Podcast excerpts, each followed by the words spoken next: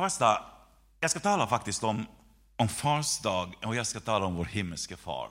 Jag tycker det, det var liksom som serverat och det är ett underbart tema att få predika om.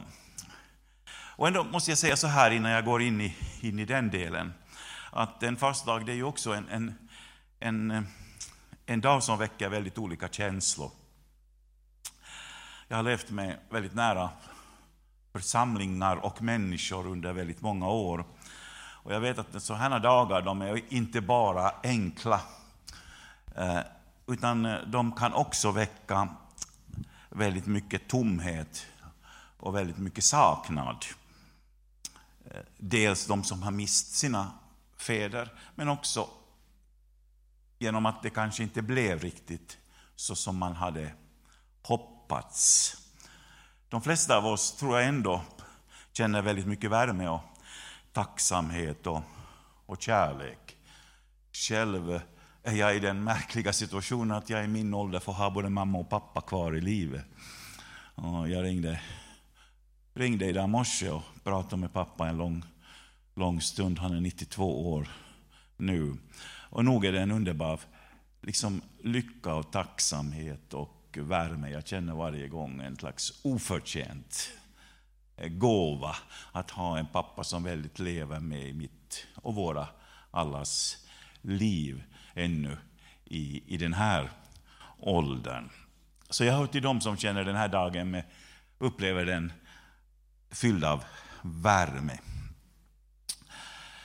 Men det är inte det vi nu ska resonera kring idag, utan idag ska vi tala om Guds Bibelns gudsbild.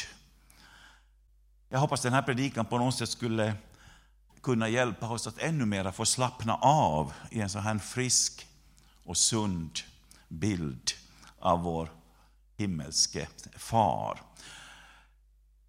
För vi har ju en underbar far i himlen, eller hur? Och, och jag är så otroligt tacksam över att jag har fått och får leva varje dag under hans trygga beskydd och kärleksfulla omsorg. Tänk att det där blir inte mindre viktigt när åren går. Jag tror det nästan fokuseras allt mer. Vad är det största? Vad är det centrala i min teologi? Vad är det, vad är det, det bästa jag får säga när jag får använda människors tid och jag får predika och kommunicera till dem?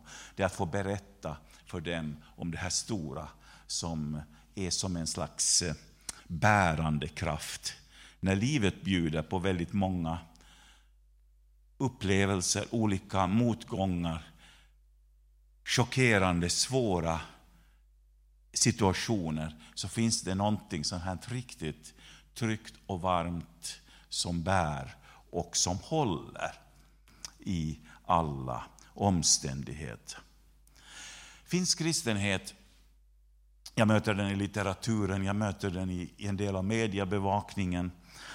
Och det är att finns kristenhet ibland lider av, av att man på något sätt eh, kommunicerat, eller är det ett missförstånd eller är det ett kommunikationsproblem?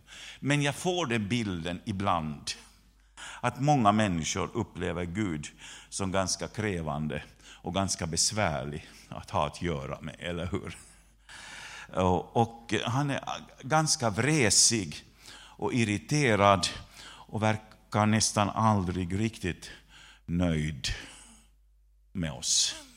För alltid har vi gjort någonting som inte han gillar. Och Gud som ganska straffande och ganska krävande, det är på något sätt som det sitter kvar i det här landets allmänna uppfattning om vad kristen tros står för.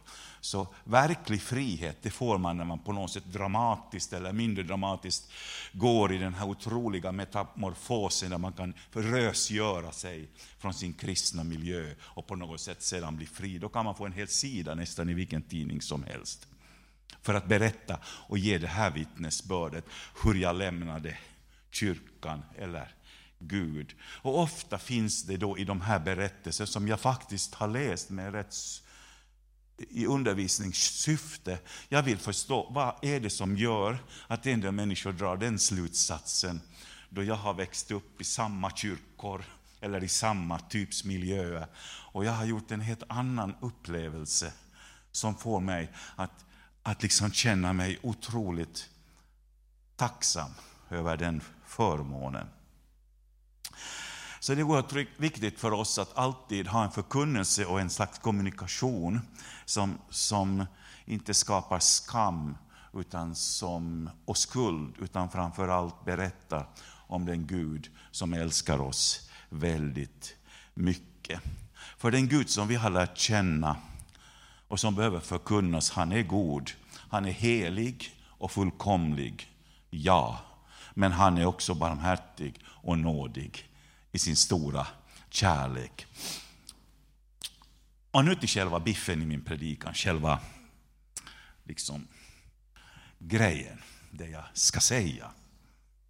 Det är att jag, jag har hittat, hittat sju saker jag ska säga idag. Jag tycker det sju lät så fint, att liksom sju det är det heliga talet och så här. Så jag tog, och jag ska läsa mest bibelord för er idag, om det passar. För, för, för, för hur vi än svänger det och hur vi än försöker formulera oss som förkunnare, så nu är det som om Bibeln ändå alltid säger det allra bäst. Vi kan förklara lite grann och ge någon illustration, men bibelordet är ju liv. Och det är det vi bygger på. Och jag ska påminna er saker som ni redan kan. Så det här är inga nya uppenbarelser. Vår himmelske far är verksam i våra liv. Vår himmelske far är verksam i liv på de här sju sätten. Det är det vad vi har tid med idag. Det första är att han leder oss och han lär oss. Vår himmelske far leder oss och han lär oss. Och jag ska läsa från psalm 25 och 5. Där står det så här.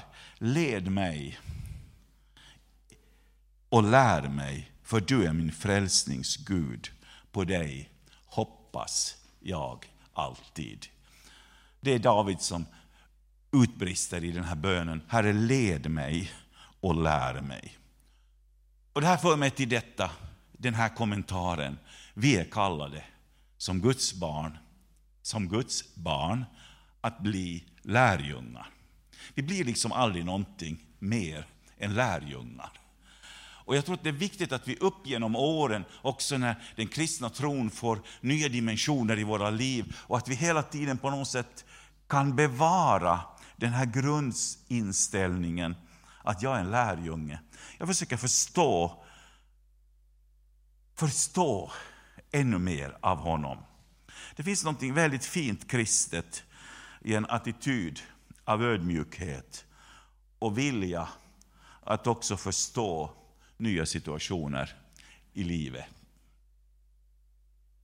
Om man alltid är liksom i opposition till den situation man finns i livet, och man är alltid liksom kämpar sig in i någonting annat och man kan liksom inte slappna av i den säsong som man just nu befinner sig i, det, så blir det ju också någonting oharmoniskt. Och jag tycker jag just nu av flera anledningar lever just i den processen av lärjungaskap. Vad lär jag mig av det här? Vad leder du mig i just nu? Nu är inte min, mina liksom yttre ramar de det var.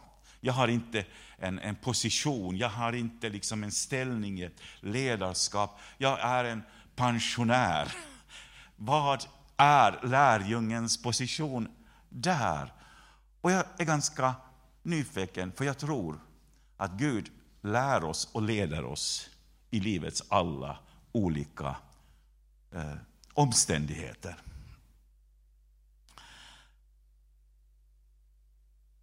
Led mig i din sanning, säger David. Och jag hakar mig fast vid det där ordet, vid din sanning. Min sanning, din sanning. Jag tittar titta ibland i Sveriges TV på det här programmet och säga min sanning. När jag får berätta, så här tycker jag om både det ena och det andra. Och det är ju helt legitimt. Men det finns någonting också att höra vad är din sanning om det jag har synpunkter på. Min sanning och Guds sanning. Och ibland kan det vara viktigt för oss att lyssna in, vad har Gud att säga om just den här situationen? Det var det första. Han leder oss och han lär oss. Det andra bibelordet, det är Jesaja 64 och 8. Jesaja 64 och 8. Men Herre, du är vår far. Glad fars dag. Herre, du är vår far. Vi är leran och du är den som format oss. Vi är alla verk av din hand. Vet ni vad? Vi vet att Gud är skaparen av universum, av allting. Vi hyllar honom för allt vad han har gjort. Här säger David en annan viktig sak, att Gud är den som skapar oss och våra liv. Han formar oss, vi är leran och han är fortfarande aktiv med att skapa någonting i våra liv. Jag blev väldigt glad när jag tänkte på det. Med att hänvisa till det jag sa tidigare här. Vi är ler i hans hand fortfarande. Och Gud vill ju på något sätt ha oss i sin hand och på något sätt forma oss. Han är den som skapade himmel och jord, men han skapar alltjämt. Gud är en skapande Gud och det är någonting oerhört stort. Vad är det han skapar i oss? I första Mosebok 1 och 26 så står det så här. Låt oss göra människan till vår avbild. När Gud gjorde människan så hade han ett syfte, han hade en plan. Vi frågar, vad är Guds syfte med mitt liv? Jo, det är att han ska göra oss till sin avbild, att vi ska börja likna Jesus. Eller hur? Att vi ska, han, han, han är en skapare och det han vill skapa är någonting som är vackert och någonting som är fint, någonting som karaktäriseras av Andens frukter, eller hur? Ortodoxin, våra ortodoxa vänner, de har ett väldigt fint ord för det här som heter teosis. Gudomlig görelse. Jumalallistuminen heter det på finska. Jumalallistuminen. Och jag hackade på det här igår när jag började läsa det här. så hackade jag in på det här. Men wow, det här är ett jättefint ord. Vad vill Gud skapa i mig? Den här teosis, han vill att Gud ska synas i mig. Eller hur? Och det är han som gör det, inte jag. När vi börjar skapa så blir det någonting vi skapar. Men när Gud gör någonting så blir det bättre. Och det vill jag uppmuntra oss alla till. Och Det är därför den heliga Ande är så viktigt i mitt liv, i ditt liv. Andens verk i oss har som mål att föra oss från köttets gärningar till att producera Andens frukt. Kärlek, glädje, frid, tålamod, mildhet, godhet, trofasthet, saktmod, återhållsamhet. Wow! Tänk om jag skulle få någonting av det här. Om Gud kan skapa mer av det här i ditt och mitt liv. Det är vårt starkaste vittnesbörd. Det är det viktigaste budskapet vi kan ge vår omgivning. Det är det vad Gud har skapat i oss. Han skapade och han skapar alltjämt. Det tredje, det är att han förser. Han är provider, den som ser vad vi behöver. Matteus 6 och 26. Se på himmelens fåglar. De sår inte, de skördar inte och samlar inte i lador och ändå föder er himmelske fader den. Är ni inte mycket mer värda än det? Vem kan med sitt bekymmer lägga en enda al till sin livslängd? Det här är ett väldigt bra bibelord för oss alla som är bekymrade och har mycket att bestyra med. Det är som, ett, liksom ett, som en profylax, ett motgift mot den här mot den här prestationsångesten som jag tror vi alla berörs av från och till. Eller hur? Jesus säger att han är också med i våra liv. Vår himmelske far, han är upptagen med att också vara med i ditt liv. För mig är inte Gud bara uppe i himmelen. För mig är han för mig är Gud med mig och i mig. Och jag tycker att, eh, att jag ser att tyngdpunkten i den här texten är liksom det här att vi är värdefulla för Gud. Eller hur? Vi är värdefulla för Gud. Motiveringen för hans omsorg om oss är att vi är faktiskt värdefulla för honom. Det här är väldigt starkt att få känna det här. Jag är inte ensam, jag är inte värdelös, jag är inte syndig, jag är inte tom. Jag är fylld av Gud och jag är frälst tack vare Jesu dyra blod. Eller hur? Vi har ett värde i Gud som gör att han också vill följa upp oss. Eller hur? Han, han, han vet vad vi behöver. Och ibland förstår vi inte och ibland ser vi inte det. Jag vet det där. Men in the end of the day så har Gud vårt liv i sin hand. Och kan vi slappna av i någonting av det så tror jag att vi har fått någonting oerhört värdefullt i vår Guds relation. Att inte vara så bekymrade. Jag möter ibland också kristna som är så bekymrade. För, för, för, på något sätt så tar man ansvar för så mycket, mycket mer än man egentligen behöver ta ansvar. Man säger det måste bli väckelse, det måste bli framgång, vi måste det och vi borde göra det och det måste göras och så måste vi ta itu med det här och nu måste vi säga till både här och där. Och det, jag vet att det kan vara behövligt. Men någonstans finns det också en slags bekymmersamhet som ibland, tror jag, vi också behöver som Guds barn. Ni får protestera. Men, men jag, menar, jag känner att jag vill säga det, vår himmelske far. Vet ni vad, att han har en hel del mera kontroll än vad vi ibland förstår. Både med oss, våra barn och barnbarn, människorna vi är bekymrade för. Vet ni vad? Gud har sina ögon riktade mot oss och våra barn och vårt liv och vårt land, vårt folk, vår församling. Vi litar på honom. Vår himmelske far, han förser. Han ser vad vi behöver. Och han säger, det är inte ert bekymmer som leder till att det förändras. Han säger, ni kan inte liksom åstadkomma så mycket med ett bekymmer. Ni kan inte ens få en halv meter, en arm till på livet med allt ert bekymmer. Det är ju lite, kanske, um, i alla fall är det väldigt hälsosamt att höra det, eller hur? Också om du skulle bekymra dig 20 timmar i dygnet, så kan du inte lägga till ett halvt, halv meter till ditt liv, säger Jesus.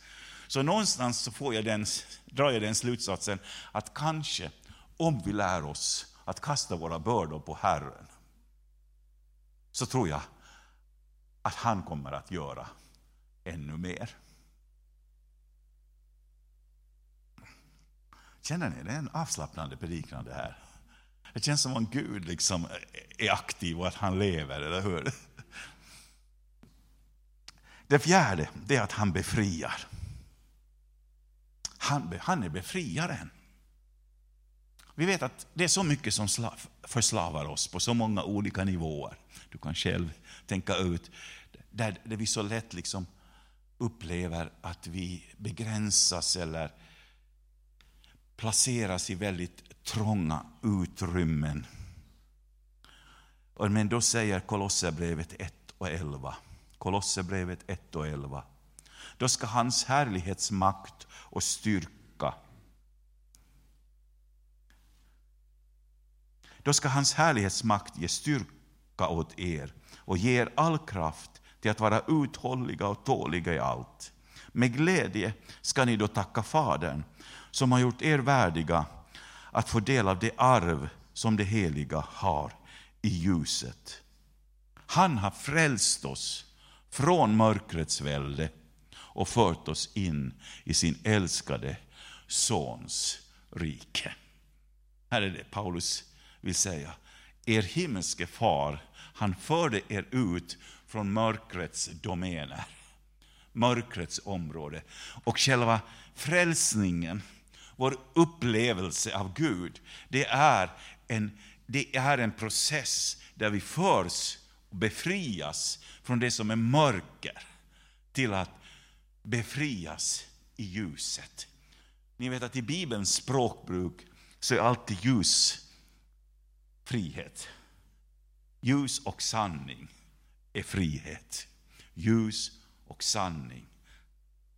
Och det är det som den kristna tron är, det är att vi får mod att leva i sanningen. Med våra egna liv, med allting annat. Men också mod att se den sanning som finns i Kristus, Jesus. Och att vi får leva i hans ljus var också det följande jag ville säga har med ljus att, med ljus att göra. Ljuset befriar. Men Gud är också själva ljuset. Det är punkt 5. Gud är ljus. Jakobs brev kapitel 1 och 17. Allt det goda vi får, varje fullkomlig gåva är från ovan. ovan. Det kommer ner från ljusets far, som inte förändras eller växlar mellan ljus och mörker. Det här är riktig novembertext det här, hörni. Gud, men jag tycker det, det starkaste i den här texten för mig är, är det att Gud liksom inte växlar mellan Gud och mörker. Gud är inte både god och ond. Han är inte både grym och barmhärtig. Han är liksom inte både och, utan hos Gud finns någonting konsekvent. Och det är den bilden av Gud vi behöver mogna in i och växa in i, så vi kan lita på att Gud är Gud. I honom finns det inte mörker. Han representerar inte den, den tillvaron. Han har fört oss från mörkret in i hans ljus. Där finns sanning, ja. Det kan svida, det kan göra ont när sanningen möter oss som människor. Men vi vet att i sanningen finns det befrielse och i befrielsen finns det frid och glädje. Eller hur? Jakob 1 och 17 alltså. Min sjätte punkt, det är att han är livgivaren. Livgivaren. Första Petrusbrevet 1, 3-5. Välsignade vår Herre Jesu Kristi Gud och Far, som i sin stora barmhärtighet genom Jesu Kristi uppståndelse från de döda fött oss på nytt till ett levande hopp, till ett arv som aldrig kan förstöras, fläckas eller vissna och som förvaras åt oss i himlen. Det är ett väldigt packat teologiskt paket det här, väl packat. I sin stora barmhärtighet har han genom Jesu Kristi uppståndelse, ser ni, allting har med Jesu Kristi uppståndelse att göra. Om inte han lever kan vi sluta mötet och gå på kaffe, eller hur? Det är liksom, det, och då behöver vi inte komma hit nästa söndag heller. Om inte Jesus är uppstånden så är allt bara liksom båg och skoj, eller hur? Vi driver med folk. Men jag tror och jag vet, och du tror och vi vet, att Jesus Kristus är uppståndelsen. Och det är det som var den första kristna kyrkans egentliga huvudbudskap. Det var det de predikade, att det finns en uppstånden frälsare, eller hur? Uppstånden frälsare. Och i det så har vi fötts på nytt. Det att han gav sitt liv öppna för oss liksom tillgången, accessen, tillgången till Guds eviga liv. Det är ju så det går, eller hur? Och det är ju det eviga livet som gör att vi kallar oss till Guds barn. Gud blev vår far. Det är liksom den här processen, eller hur? Kristus kommer, ger sitt liv, sitt himmelska liv, sitt gudomliga liv. Och genom tron på honom så är vi delaktiga av gudomligt liv. Han har fött oss på nytt till ett levande hopp. Till ett arv som aldrig kan förstöras, fläckas eller vissna. Hallå, det är underbart. Det vi har, det rostar inte, det blir inte gammalt, det blir inte heller gammalmodigt. Det håller, det är evigt, det är stabilt. Och vi har det här och nu och vi gläds av det. Och jag gläds över de här lovsångerna då vi tillsammans liksom bekänner det här är vår tro. Gud är större, han är starkare. Han är, vi upplever det inte på alla nivåer av våra liv. Jag vet nog det också, men det här är min bekännelse på en uppstånden frälsare, eller hur? Och det underbara är att vi får inte ut allting ännu. Och det här är nog också viktigt i vår inomvärldsliga tid. Att Bibeln berättar om att det finns någonting kvar för oss. Eller hur? Det vissnar inte, det rostar inte. Utan det här arvet som aldrig, förstör, fläck, som aldrig kan förstöras, fläckas eller vissna, det förvaras åt oss i himlen. Det är ganska fantastiskt. Vi har också någonting kvar. Så den dag när vi bryter upp och går hem till Gud, så har vi ett arv som väntar på oss i himlen. Halleluja. Och det sista. Vår himmelske far, han förser oss alltid, eller han ger alltid nåd och frid. Armoa ja rauha.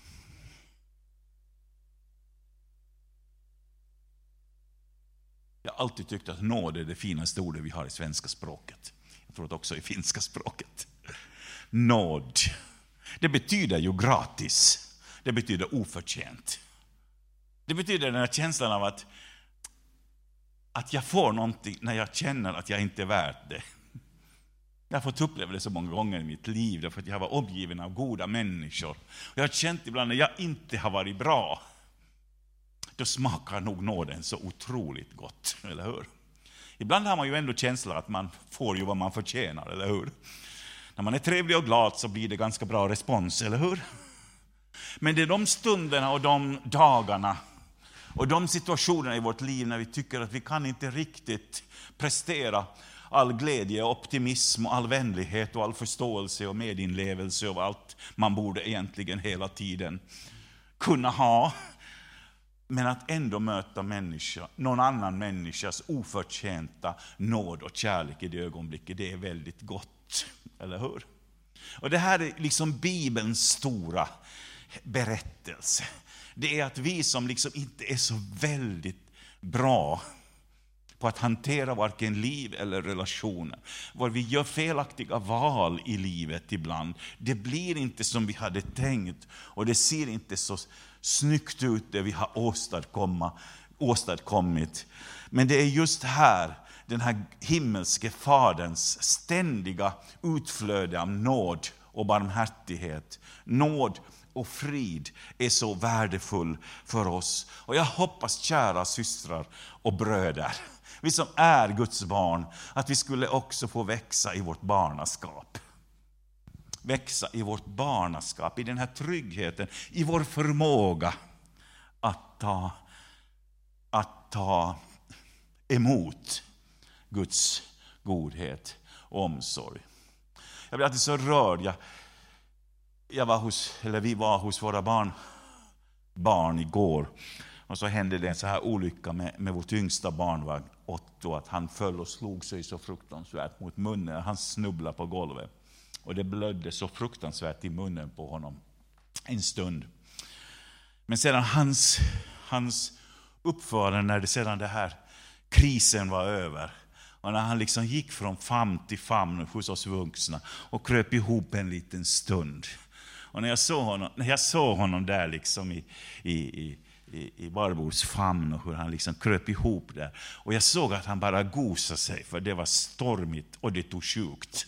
Och jag tror att det sved ännu ganska mycket i mun. Någonstans så kände jag att tänk om vi som Guds barn på något sätt kunde slappna av i det här att ta för oss. Liksom att våga, att, att slippa den här, vad ska man säga, protestantiska aktivismen som kräver på något sätt ett slags aktivitet som, som en port till Guds godhet. Det är fint när vi är aktiva. Jag älskar det och vi behöver den. Och det är någonting vackert och fint och värdefullt. Men det är inte det betalningsmedlet vi har när vi talar om nåd och frid. Utan då talar vi om en Gud som bara är sån, eller hur? Han är bara den sån. Och vi kan bara krypa upp och, och vara.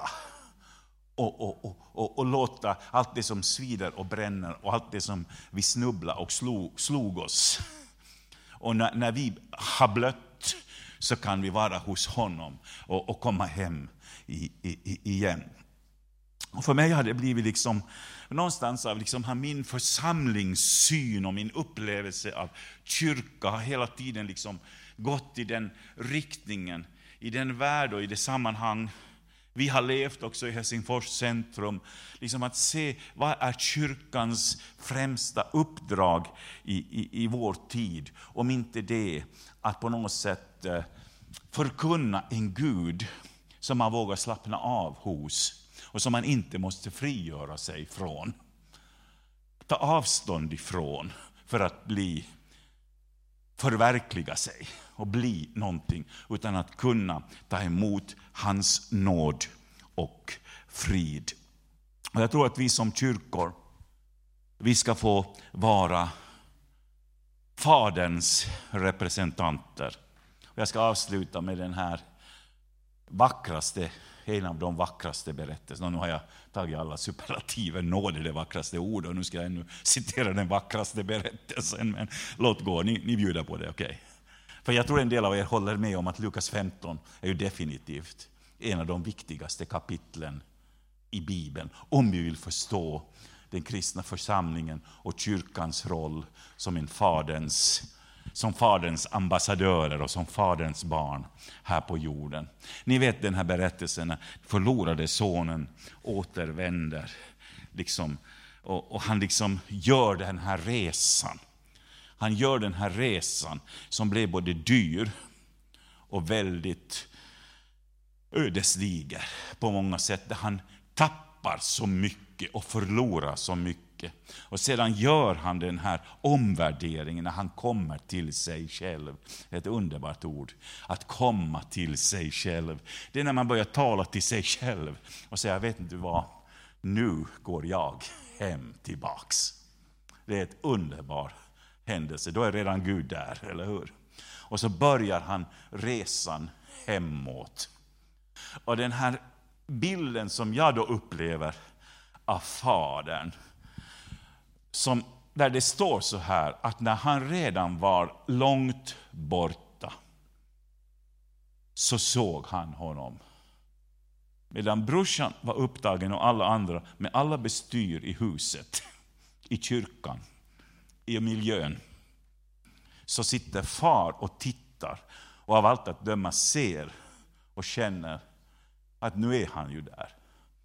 För han var mentalt redan förberedd på dem och på honom som skulle komma. Och då står det att då springer han honom till mötes. Och den här upplevelsen av att representera en Gud som är så full av nåd och frid, betyder att man också får ögon för dem som är långt borta. Man ser dem och man är beredd att gå ut och göra det lätt att komma hem. Han som är på väg hem, han är förberedd på rättegång och han har redan repeterat replikerna. Eller hur? Han har redan repeterat replikerna. Men han blir vänligt och bestämt avbruten och får inte säga någonting. För pappa har bara ett enda ord han säger när han omfamnar honom och säger så här, nu börjar festen. Nu är vi alla här. Och då, då, då har jag liksom någonstans av den här bilden av, av, av en Gud och en gudsbild som på något sätt är så eftertraktad och så nödvändig, inte minst i vårt samhälle, i vårt Finland, i vårt av sekularisering och gudlöshet, liksom väldigt sönderrivet samhälle.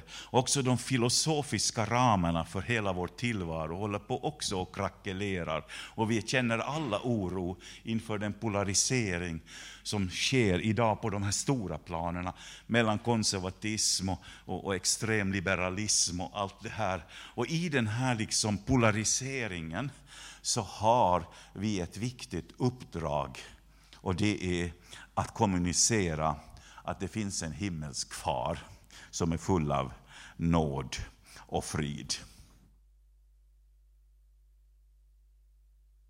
Det var den sista raden på mitt papper idag. Vår himmelske far är verksam i våra liv på, sju, på bland annat de här sju sätten. Han leder och han lär oss. Han skapade men han skapar alltjämt i våra liv. Vad är det han vill skapa? Han vill forma oss till kärl som kan bära Guds närvaro, Gud, till vår omgivning, eller hur? Han vill fylla oss med Andens kraft som föder, skapar, producerar frukt. Vår himmelske far, han vet allt vad vi behöver. Och han vill hjälpa oss att växa i trygghet och minska på vår eget bekymmer, eller hur? Därför att vårt bekymmer enligt Jesus inte är så produktivt. Och jag ska nog säga att vi är nog inte så väldigt kreativa när vi är väldigt bekymrade. Åtminstone inte jag. Jag kan göra panikartade beslut. Han förser och han vet vad vi behöver. Han befriar oss från mörker, ifrån allt det som binder. Han ger oss ljus som övervinner mörkret. Han är vår livgivare som har fött oss på nytt i ett levande hopp. Och han är alltid full av nåd och frid. Att en sådan himmelske pappa har vi. Jag tycker vi är värda att gratuleras. Eller hur? Grattis. Grattis. Grattis! Och det underbara att ju mer vi lär känna honom, ju mer vi anstränger oss att lära känna honom, ju gladare blir vi. Och rikare känner vi oss. Tryggare känner vi oss. Och kanske också mer motiverade att berätta om honom. Eller lättare blir det. Därför att min egen upplevelse ligger där. Inte bara teorierna, inte bara teologin. Vi är Kristendomen är relationell. Den handlar om en Gud som skapade oss för att han ville ha kontakt och gemenskap med mig och med dig. Jag tror jag stannar här och så tackar vi bara Herren för att han är så god och för att vi får ha en så underbar pappa. Ska vi stå upp?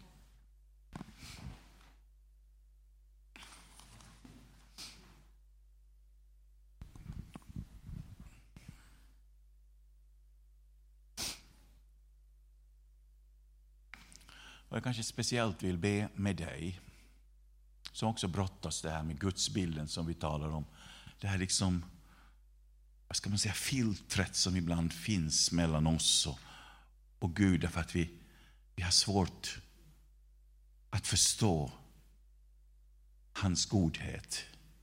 Men eh, när vi slappnar av som lilla Otto i hans famn så kan det vi bara låta hans närvaro forma oss och hela oss. också när det svider och när vi har skadat oss. I det helande och i den nåden så finns det så mycket gott. Herre, nu tackar jag dig för att vi som systrar och bröder idag denna fars dag får säga tack himmelske far för att du finns. Tack för att du kom in i våra liv. Och Herre, där våra jordiska fäder inte alltid har kunnat vara allt det vi har behövt, så tackar vi dig att du kan få vara allt det vi behöver. Herre, av närvaro, av nåd, barmhärtighet, av ljus och skapande kraft i våra liv. Herre, nu ber jag att vi skulle få vara ler i din hand den här dagen. Ta, rör vi oss, Herre. Rör vi oss och formar det som ska formas. Så vi kan bli mer och mer lika Kristus. Herre, och återspegla någonting av pappas egenskaper i den här mörka och onda världen. Herre, jag tackar dig för att du välsignar den här församlingen. Och tack för mina systrar och bröder och tack för allt gott du gör här. Och låt också den här platsen här i Sibbo få vara en underbar plats där vi lär känna Gud. Och då hans namn får bli upplyft på alla plan. Tack att du också kommer med helande här idag ut i sorgsna hjärtan. Herre, tack att du kommer med och driver ut fruktan och rädsla ur våra liv. Herre, du vet också att en del lever i omständigheter där det lätt blir mycket bekymmer och sånt som låser oss och, och som eh, dränerar oss på, på, på, på, på liv och, och kraft. Himmelske far, tack för att du genom din heliga Ande kan röra vid oss och trösta oss och lyfta oss och visa på ett större perspektiv. Tack för det. I Jesu namn. Amen.